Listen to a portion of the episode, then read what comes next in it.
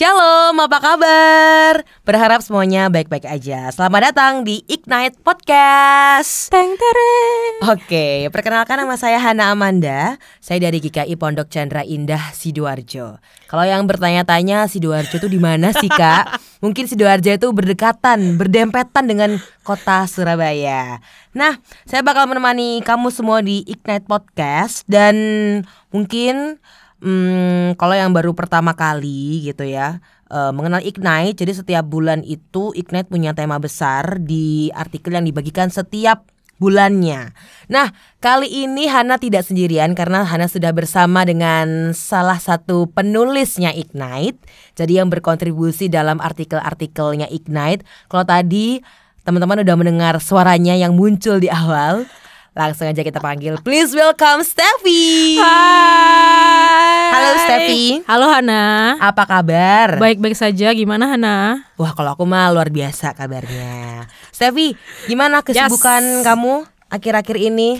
Lagi sibuk kerja, Mhm. persiapan kuliah lagi. Mhm. Apalagi ya pelayanan mungkin di GKI di Ponorogo Surabaya. Ya, Oke. shameless promotion. Kalau saya lihat eh, Instagramnya Steffi, itu Steffi kayaknya sibuk banget dengan kegiatan berpuisi sepertinya ya. Ah, iya memang baru sebulan ini lagi Sebulan ini. giat berpuisi karena baru aja bikin komunitas di Surabaya bareng salah satu teman.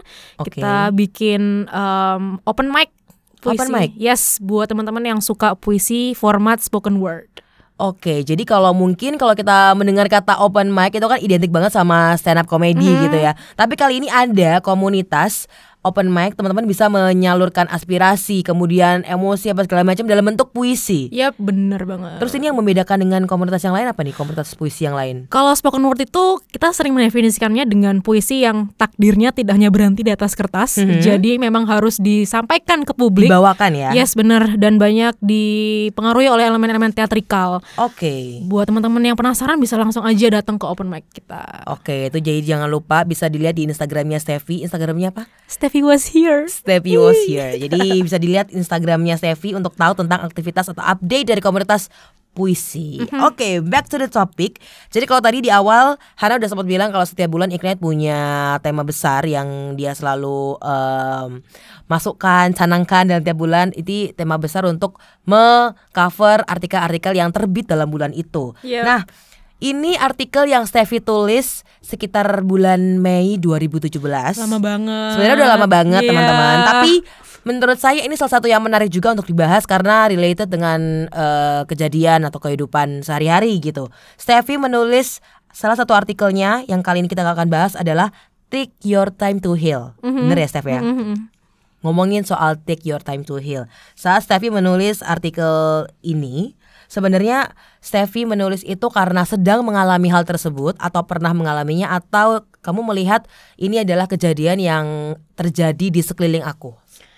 Selain karena memang topik tentang pulih itu adalah sesuatu yang selalu apa ya, selalu dialami sama orang-orang gitu ya. Mhm. Em, sesuai yang seperti yang aku tulisin di artikel mungkin teman-teman ada yang berapa yang udah baca 2017 itu adalah tahun yang sangat aneh karena Oke. ada banyak banget hal yang bikin em, aku sendiri mikir hmm 2017 2017 ini I think it's a bad year karena em, waktu itu I had a bad breakup Oh really? Terus ada uh, waktu itu juga sempat kembali ke psikiater lalu didiagnosa sama uh, beberapa penyakit. Um, lalu juga ada teman yang um, sedang berhadapan dengan kasus pelecehan seksual. Oke. Ada teman-teman yang um, teman terdekat yang lagi struggling dengan identitas dan tujuan hidupnya. Jadi benar-benar somehow tiap kali kita lagi ngobrol bareng ngumpul dengan inner circle kita sendiri kayak Complicated ya? Iya, ada aja yang nangis gitu. Ada aja yang sama kita pikir, iya ya tahun 2017 ini kita sekarang mungkin bisa bilang kalau itu adalah tahun penuh pelajaran, tapi waktu itu man, this is so weird. Ini bener-bener So weird. iya bener-bener Oke. tahun yang aneh. Itu yang em, akhirnya karena waktu itu juga masih rajin nulis, akhirnya oke, let's talk about this. Let's talk about healing. Oke, ngomongin soal healing. Dalam artikel yang Steffi tulis, Take Your Time to Heal, ini di artikel ini Steffi bilang kalau eh, Steffi suka quote-quote yang menguatkan gitu ya. Sebenarnya seberapa besar sih dampak quote itu terhadap diri kita, Steph? Ini kok salah satu pernya- eh, hal yang menarik gitu untuk dibahas. Um, pengingat ya dan quote Pengingat. itu kadang kita mikir cuma oh quote di Instagram atau Tumblr tapi Mhm. pun ayat Alkitab bu- buat kita yang sering Iya. baca Alkitab juga quote kan um, um, menurutku itu adalah pengingat yang baik um, saat seseorang lain bilang ke kita ngingetin kita so yeah it's a, it's a good reminder buat kita sendiri Oke, ada nggak sih satu quote yang benar-benar kamu ingat sampai sekarang dan itu yang menjadi apa ya? Eh ketika kamu lemah atau ketika kamu lagi down itu yang akan menguatkan kamu. Ada nggak sih quote yang Yap, uh, dan kebetulan ada di artikelku juga um, yang ngomong yang ngomong Upil Cisala, dia salah satu um, penyair dari Oke. Afrika Selatan. Uh, bunyinya This is not a race, heal at your own pace. Waduh. Wadaw, mendengar kali satu kalimat tapi agak berat ya guys untuk menelusuri, memahami kalimat tersebut. Tapi itu yang menjadi semangat kamu ya, Yap. Steph ya. Khusus untuk terkhusus untuk healing, untuk pulih. Itu quote yang ngingetin banget sih. Oke, pertama kali kamu menemukan quote itu dari mana? Dari Instagram tentu saja, dari mana lagi? Dari Oke. Instagramnya si Upil Cisala. Mhm. Waktu itu scrolling um, dan dia nge-quote This is not a race, um, heal at your own pace dan bener-bener resonate ke aku sendiri karena Mhm. well entahlah kita hidup di masyarakat yang kadang-kadang punya ekspektasi atau harapan-harapan Ya, buat kita ya. Oke, kamu udah misalnya kamu kehilangan seorang gitu ya, terus kamu dua bulan harusnya kamu udah baik-baik saja, tiga bulan harusnya kamu sudah bisa bahagia. Oh, kamu sudah menerima Tuhan dalam hidupmu, harusnya kamu yang nggak sedih, nggak nggak nggak gampang kecewa dan lain-lain. Padahal ngomongin tentang pulih, ngomongin tentang merasa baik-baik saja, semua orang punya pace-nya sendiri-sendiri dan Mhm. sejak kapan ini jadi sebuah perlombaan siapa yang pulih lebih dulu gitu kan Em, jadi ya this is not a race again ini bukan bukan perlombaan siapa yang siapa yang baik-baik saja lebih dulu lebih cepat Mhm. we all have our, our own journey we all have our own pace dan ya mari berproses dengan pace-nya kita sendiri-sendiri Karena percuma gak sih Steph kalau semua kita kayak istilahnya dalam tanda kutip balapan untuk Mhm. pulih, tapi ternyata dalam in the end kita akan bisa jatuh lagi, jatuh lagi Mhm. itu. Iya sih dan tapi menariknya adalah ngomongin pulih pun Hana eh, sempat aku bilang ke teman-teman itu adalah pekerjaan seumur hidup kan? Oke. Jadi walaupun kita mungkin ngerasa hari ini, oh kita udah merasa baik-baik aja, Mhm. I'm okay now, I'm good now, dan besok kita ngerasa jatuh lagi, Oke. kadang itu yang bikin kita kayak I'm a failure, aku gagal, hidupku cuma gini-gini aja kayak roda yang kayak lingkaran yang nggak putus-putus, but that's the thing about healing, itu yang itu selalu akan selalu kita apa ya, akan selalu kita jalani prosesnya dan dan nggak akan, kurasa nggak akan pernah ada titik yang kita bener-bener finished gitu, karena it's a process, it's life. Oke, jadi kalau eh, aku nanya nih tentang apa makna healing untuk Steffi, apakah itu berkait eh, apakah itu berkaitan dengan eh, pasti berkaitan dengan proses. Mhm. Kalau aku nanya soal apa makna healing, Steffi akan jawab seperti apa? keluar dari comfort zone. Oh, Um, oke. Sounds terdengar remeh mungkin, tapi um, yang kadang-kadang bikin kita terluka adalah saat comfort zone kita terusik. Mhm. Gak hanya sebuah situasi kondisi. Um, mungkin aku udah dalam relasi yang dulu menurutku secure. Oke. Lalu aku harus keluar dari itu dan aku harus pulih dari segala sakit hati. Tapi nggak hanya tentang suatu si- situasi atau kondisi, tapi mungkin kita harus pulih dari tadi itu orang. Karena sering kali kan kita attach atau meletakkan identitas kita di orang lain. Mhm. Terutama yang pacaran-pacaran. Oke. Gitu ya. Karena Eh, sudah terikat bisa dibilang Iya ya. benar sekali. Em, nggak- eh, tapi juga bisa dalam sahabat. Kadang-kadang putus sahabat itu justru lebih sakit ya Hana ya. Iya, kalau menurut aku Iya kan? putus sahabat itu lebih Iya. lebih apa ya? Lebih lebih sakit karena ya Lebih, "Uh," gitu. ah, daripada kita putus sama pacar. Iya kan, Em, dalam segala relasi, persahabatan, relasi dengan pacar dan lain-lain. Em, so again, eh, mungkin kita harus pindah ke kota yang baru atau kita harus melalui event atau em, kejadian yang bikin kita malah terluka, apa pun itulah. Em, dan aku rasa ya untuk pulih adalah gimana caranya kita keluar dari comfort zone itu. keluar dari comfort zone. Nah ini salah satu yang saya catat juga dari uh, artikel yang Steffi tulis di Take Your Time to Heal. Steffi bilang kalau healing is a heartbreaking, sometimes traumatizing, it leaves you bruised, scared, and trapped up in the pit of disappointment. Terus Yeah. kenapa Steffi nulis kayak gitu? Karena again, em, ini yang aku dapatkan dari perjalanan iman selama ini sih. Tapi em, ngomongin tentang tadi keluar dari comfort zone eh, sebagai satu bagian dari pemulihan, aku selalu menemukan bahwa Tuhan akan selalu ngetes kita Mhm. di hal-hal yang pertama yang kita paling benci, yang kedua justru yang paling kita cintai. Oh oke. Em, saat kita mungkin terlalu nyaman dalam sebuah em, hubungan yang toksik, dengan sahabat atau yang lain, itu yang akan Tuhan tes karena Tuhan nggak mau kita attach sama hal-hal yang apa ya orang manusia yang bukan yang akan selalu berganti akan selalu nggak akan permanen Mhm. Em, dan nggak seharusnya kita menatakan identitas kita di orang-orang Tuhan akan ngetes kita di harta kita Oke. kalau kita punya duit banyak tesnya bu bu Tuhan akan ngetes kita dalam kenyamanan kita entah itu mungkin perkuliahan pekerjaan pelayanan yang bikin kita ngerasa kalau oh ya I'm better than everyone hanya karena aku ke gereja Oke. setiap minggu the point is poinnya adalah Tuhan akan selalu ngetes kita dalam segala sesuatu yang pertama kita benci dan kedua yang kita cintai karena ya again ini ada, ini ada kaitannya dengan attachment Em, segala hal yang bikin kita nyaman segala hal yang bikin kita justru bikin gap dengan Tuhan karena kenyamanan Hmm. itu em, itu yang akan Tuhan bahasa Jawanya apa sih ukle-ukle ute-ute Di apa ya? Di utik-utik. Nah, Oke. iya benar itu. Em, dan tentu aja hal yang kayak gitu nggak pernah nyaman, nggak pernah enak, nggak pernah nggak pernah gampang. Em, justru akan saat hal-hal seperti itu, hal-hal yang seri, yang mungkin meng- menjadi identitas kita di di di disentuh, di utik-utik tadi dengan sama Tuhan. Em, yang ada sering kali kita ngerasa kecewa. Tuhan aku udah enak, kenapa kok harus di Di- nggak enakin Iya, kayak gini. oke, ah. Tuhan aku udah merasa I'm okay kenapa harus nggak oke Dirombak lagi? lagi. iya benar Em, dan itu kan selalu ya outputnya kita akan selalu ngerasa disappointed kita akan selalu ngerasa sakit akan kita akan terluka yes but kurasa yang Tuhan mau adalah kalau kita udah meletakkan hidup kita dan kita udah komit sama Tuhan kita akan kita nggak akan kita nggak akan permasalahin journey ini karena kita tahu destinasi kita sudah pasti. It's Christ. Oke, surprise. it's Christ. It's Jesus Christ. Jadi apa pun yang akan terjadi dalam journey ini dalam perjalanan ini dalam proses ini we're okay. Kita settled.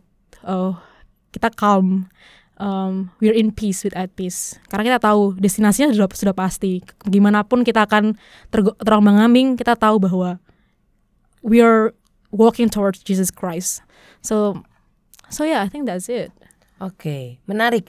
Jadi kalau kata Steffi dalam proses healing, salah satu yang harus dipersiapkan adalah dia kita akan keluar dari zona nyaman Yes, kita. sure. Oke, sebenarnya ketika kita akan eh, keluar dari zona nyaman kita, Steph, sebenarnya apa sih yang harus kita persiapkan gitu? Apa yang kita aja yang kita butuhin dari situ? Wah, persiapan. Menarik karena aku merasa bahwa semua proses pulih itu nggak pernah menjadi sesuatu yang kita bisa persiapkan kayak wah aku akan pulih besok. Justru em, Karena itu kayak berjalan berdasarkan Yeah. waktu dan mungkin sometimes kalau sekarang mungkin kita nggak paham ya kenapa hal itu terjadi. Maybe one day eh, di tiga bulan atau enam Yes. bulan ke depan kita bakal tahu itu kenapa terjadi. yes that's the sih? thing. Dan kadang-kadang justru juga dalam apa ya mungkin hari-hari ini kita merasa sakit dan terluka Mhm. tapi bisa jadi justru itu adalah awal dari proses pulih kita jadi em, sebenarnya kalau ngomongin tentang persiapan it's not something that we prepare Em, tapi justru menyadari bahwa dalam kesakitan itu dalam pain itu we're okay we're at peace tadi Em, ada someone who got our back which is Jesus Christ Em, kurasa itu sendiri udah bisa memberikan rasa aman dan damai. Kepekaan berarti ya. yes Oke, kepekaan. Nah, kemudian dalam proses eh, healing itu tadi sebenarnya siapa aja sih yang berperan dalam proses healing itu tadi? menemukan support system yang baik itu penting sih karena em, kita nggak bisa nentuin kan siapa yang akan menyakiti kita. Mhm. Em, kalau kita ngomong oke family will be there for me always nggak tentu juga. Kadang kadang ada mungkin teman-teman yang terluka karena malah di keluarga gitu. Tapi eh, mungkin ada orang-orang yang malah terluka dalam komunitas gereja juga kan. Wow, oke Yeah, itu itu juga bisa. Mungkin yang udah pelayanan dari Yes. dari kecil gitu kan, kemudian one day wah ada kepahitan atau seperti apa gitu. Orang Kristen juga manusia, we Oke. cannot deny that. Manusia nggak ada yang sempurna. Mungkin kita juga ngalamin uh, kepahitan dalam itu. Em, jadi menemukan support system yang baik itu penting dan nggak membatasi kita apa ya em, itu bisa jadi kayak bisa temen bisa Pembimbing di gereja mungkin. bisa Atau mungkin bos di kantor. bisa Uh, ini- apa sih? Uh, pernah ada yang bilang ke aku kita bisa menemukan Kristus dalam wajah siapa pun. Yes. and I think that's true bahkan ke orang-orang asing yang mungkin kita kenal. Mungkin orang orang-orang asing kita temui di kehidupan kita. Mhm. ibu-ibu yang duduk di sebelah kita di bis Ah, ya. atau bapak-bapak jaga warung. Em, itu bisa bikin apa ya enlightenment. Tapi untuk ngomongin support system memang em, Harus orang yang berdekatan sama kita ya, yang dan memberikan mm, dan memberikan memberikan apa yang memberikan memberikan pendampingan yang tepat sih karena again banyak orang yang banyak orang yang berpikir bahwa it's okay to put expectations on other people kamu harus gini kamu harus gitu kamu nggak kamu nggak seharusnya sedih karena kamu orang Kristen dan kamu nggak Mhm. gini gini gini Um, but but ya kurasa mengkurasi siapa Yang menjadi support Orang-orang- system kita juga penting yes gitu ya. benar Oke. Kemudian kalau tadi kan siapa yang berperan? Nah, sekarang aku pengen tahu, Steph. Peran Tuhan dalam proses healing ini itu seperti apa sih? Hmm, Yang kamu rasakan atau yang sudah kamu pernah jalani? Itu pendampingan yang Tuhan lakukan ketika Tuhan menyembuhkan dirimu seperti apa? satu hal yang aku sadari selama proses healing ini adalah em, bener waktu Tuhan bilang dalam kitab come as you are datanglah sebagaimana kamu karena kadang kita ngerasa aku nggak cukup layak buat datang ke hadirat Tuhan aku nggak cukup aku terlalu rusak untuk meminta ampun aku udah aku udah minta maaf berapa kali nih Steph masa aku sekarang mau minta maaf lagi ke Tuhan nggak bosan apa Tuhan sama aku Minta maaf, ulangi, minta maaf, ulangi, Iya, minta maaf, ulangi. Walaupun emang kita uh, selalu menekankan bahwa apa ya uh, pengampunan Tuhan bukan sesuatu yang harus kita mainkan. Oh nggak apalah aku main aku gini-gini. Besok aku bisa bisa bisa, bisa minta maaf. Not that case. Um, tapi ada satu hal yang saya sadari bahwa ya ya let's come as we are. Um, bukan seharus bukan not as we should be. Um, karena Tuhan tahu gitu loh sesimpel itu. Bahkan saat kita nggak sadar bahwa kita naruh topeng di muka kita oh ya God I'm okay. Oh ya aku berdoa kayak segala sesuatu segalanya baik-baik aja. Em, tapi justru aku rasa Tuhan malah rindu apa ya intim, intim intimasi dengan kita yang dalam arti bawalah semua bebanmu bawalah semua sakit hatimu and it's okay child I'm here justru aku adalah akulah sebenarnya safe place di mana kamu seharusnya meletakkan segala sesuatunya itu bukan ke orang-orang lain bukan ke social media Mhm. bukan ke apa pun di dunia ini nggak ada yang menjamin em, tempat seaman ketika Tuhan. kamu ada di Hadirat sisiku, Tuhan, hadirat ya. Tuhan, bener banget. Dan aku percaya banget itu bukan proses yang sebentar, Mhm, karena ketika kita sudah berada di titik atau kita sudah merasa eh, merasa kayak setiap kali aku ada kesusahan, setiap kali aku ada eh, jatuh, dan kita masih bisa merasakan apa ya hadirat Tuhan menyentuh Mhm. diri kita, wah itu keren sih betul. Karena untuk Oh. proses sampai sana tuh tidak bu Ya. udah kayak uh naik turun, Yes. jungkir balik sampai Kayak- kita nangis-nangis kayaknya baru kita bisa paham tentang eh, perjalanan Tuhan dalam hidup kita gitu. Nah, Steph, Hmm. yang menjadi eh, penting juga ini, Hmm. ketika kita memiliki teman eh, mungkin yang sedang dalam proses healing gitu ya. Kira-kira kita sebagai teman yang baik itu harus bersikap seperti apa sih menghadapi teman itu? kembali lagi ke quote Steffi yang tadi um, um, this is not a race heal at your own pace ini nggak hanya berlaku buat kita Mhm. tapi juga semoga kita selalu ingat untuk meng- meng- mengamalkan ini ke teman-teman sekitar kita. Karena kadang-kadang um, saat teman cerita kesusahannya ke kita kadang ada perasaan dalam hati kita yang oh aku mungkin ada di posisi yang lebih baik sehingga dia bisa cerita ke aku atau mencari advice ke aku. Berarti at least I'm better than them. Um, tapi nggak gitu. Um, dan penting untuk mengingat bahwa mereka pun juga punya pace-nya masing-masing. Kadang kita jengkel nggak sih punya temen yang udah dibilang berkali-kali ya udah gitu terus jatuh di lubang yang sama terus Kalau orang Surabaya, eh, orang Surabaya, orang Surabaya bilangnya ki cengkal ki kandanane ki. Gue sampai itu kalau orang tua atau temen udah ngomong kayak gitu, itu udah wah kebangetan tuh berarti. cengkal Cengkal Iya. kandanane itu kan. Iya, tapi again, it's their own pace dan itu journey mereka. Um, mereka punya, mereka punya hak untuk untuk menjalani itu semua. Mereka punya hak untuk jatuh dan pulih kembali. Mereka punya hak untuk itu semua. Ki- Kita pun punya hak yang sama gitu loh dan nggak ada yang bikin kita lebih baik atau lebih lebih tinggi atau lebih oke daripada mereka. Em, satu-satunya satu-satunya alasan kenapa temen mau curhat atau cerita ke kita, as simple as they trust us. Dia percaya dan dia nyaman gak sih sama kita? Iya, bukan aku gak merasa mereka mereka mikir kita lebih baik atau lebih Hmm. oke. They trust us and they need a friend. That's all. So be that friend.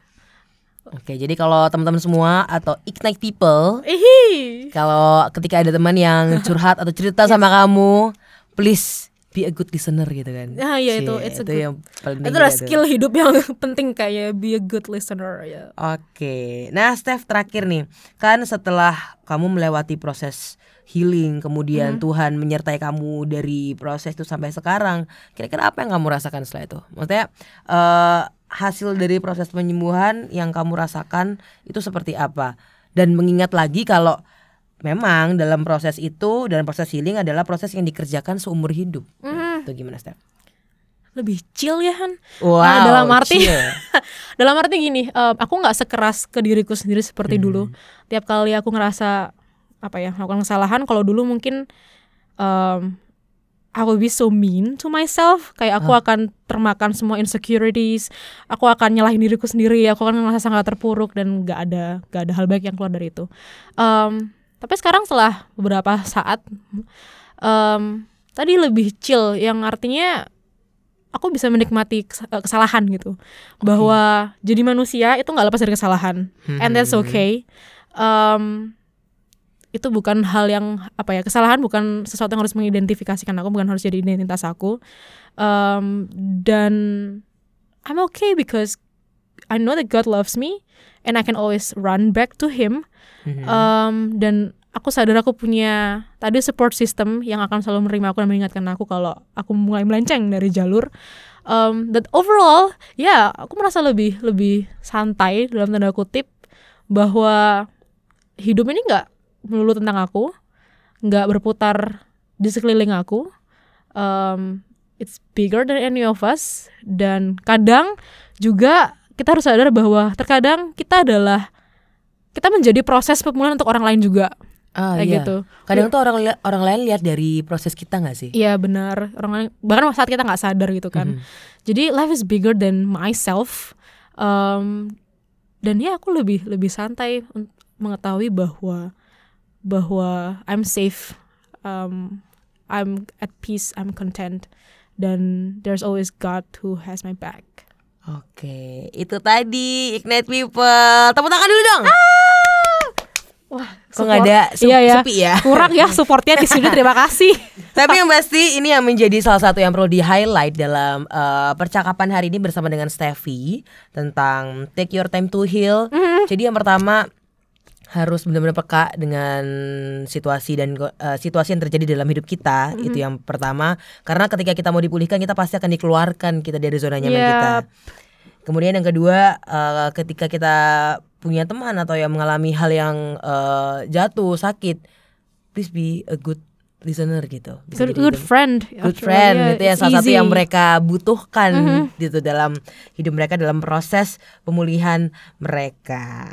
Oke, itu tadi sharing kita bareng Steffi di salah satu artikel yang keren banget. Jadi kalau yang belum baca artikelnya nggak apa-apa. Ini sekarang kita bahas podcastnya Take Your Time to Heal teman-teman. Jadi berharap ini bisa menjadi rema. Cie. rema banget banget bahasanya. Jadi saya jadi rema dan yang pastinya ini bisa menjadi eh, bisa diterapkan gitu dalam kehidupan Ignite People. Siapa tahu mungkin ikut nulis. Eh, mau ikut tulis gitu kan atau enggak sekarang sedang mengalami hal yang berkaitan dengan healing berharap ini bisa menjadi eh, kekuatan bisa membantu juga teman-teman yang pasti thank you so much Mbak Steffi Terima kasih Hana dan Ignite. thank you juga untuk Ignite People yang sudah mendengarkan podcast kali ini Hana Amanda pamit sampai jumpa di Ignite Podcast berikutnya Bye.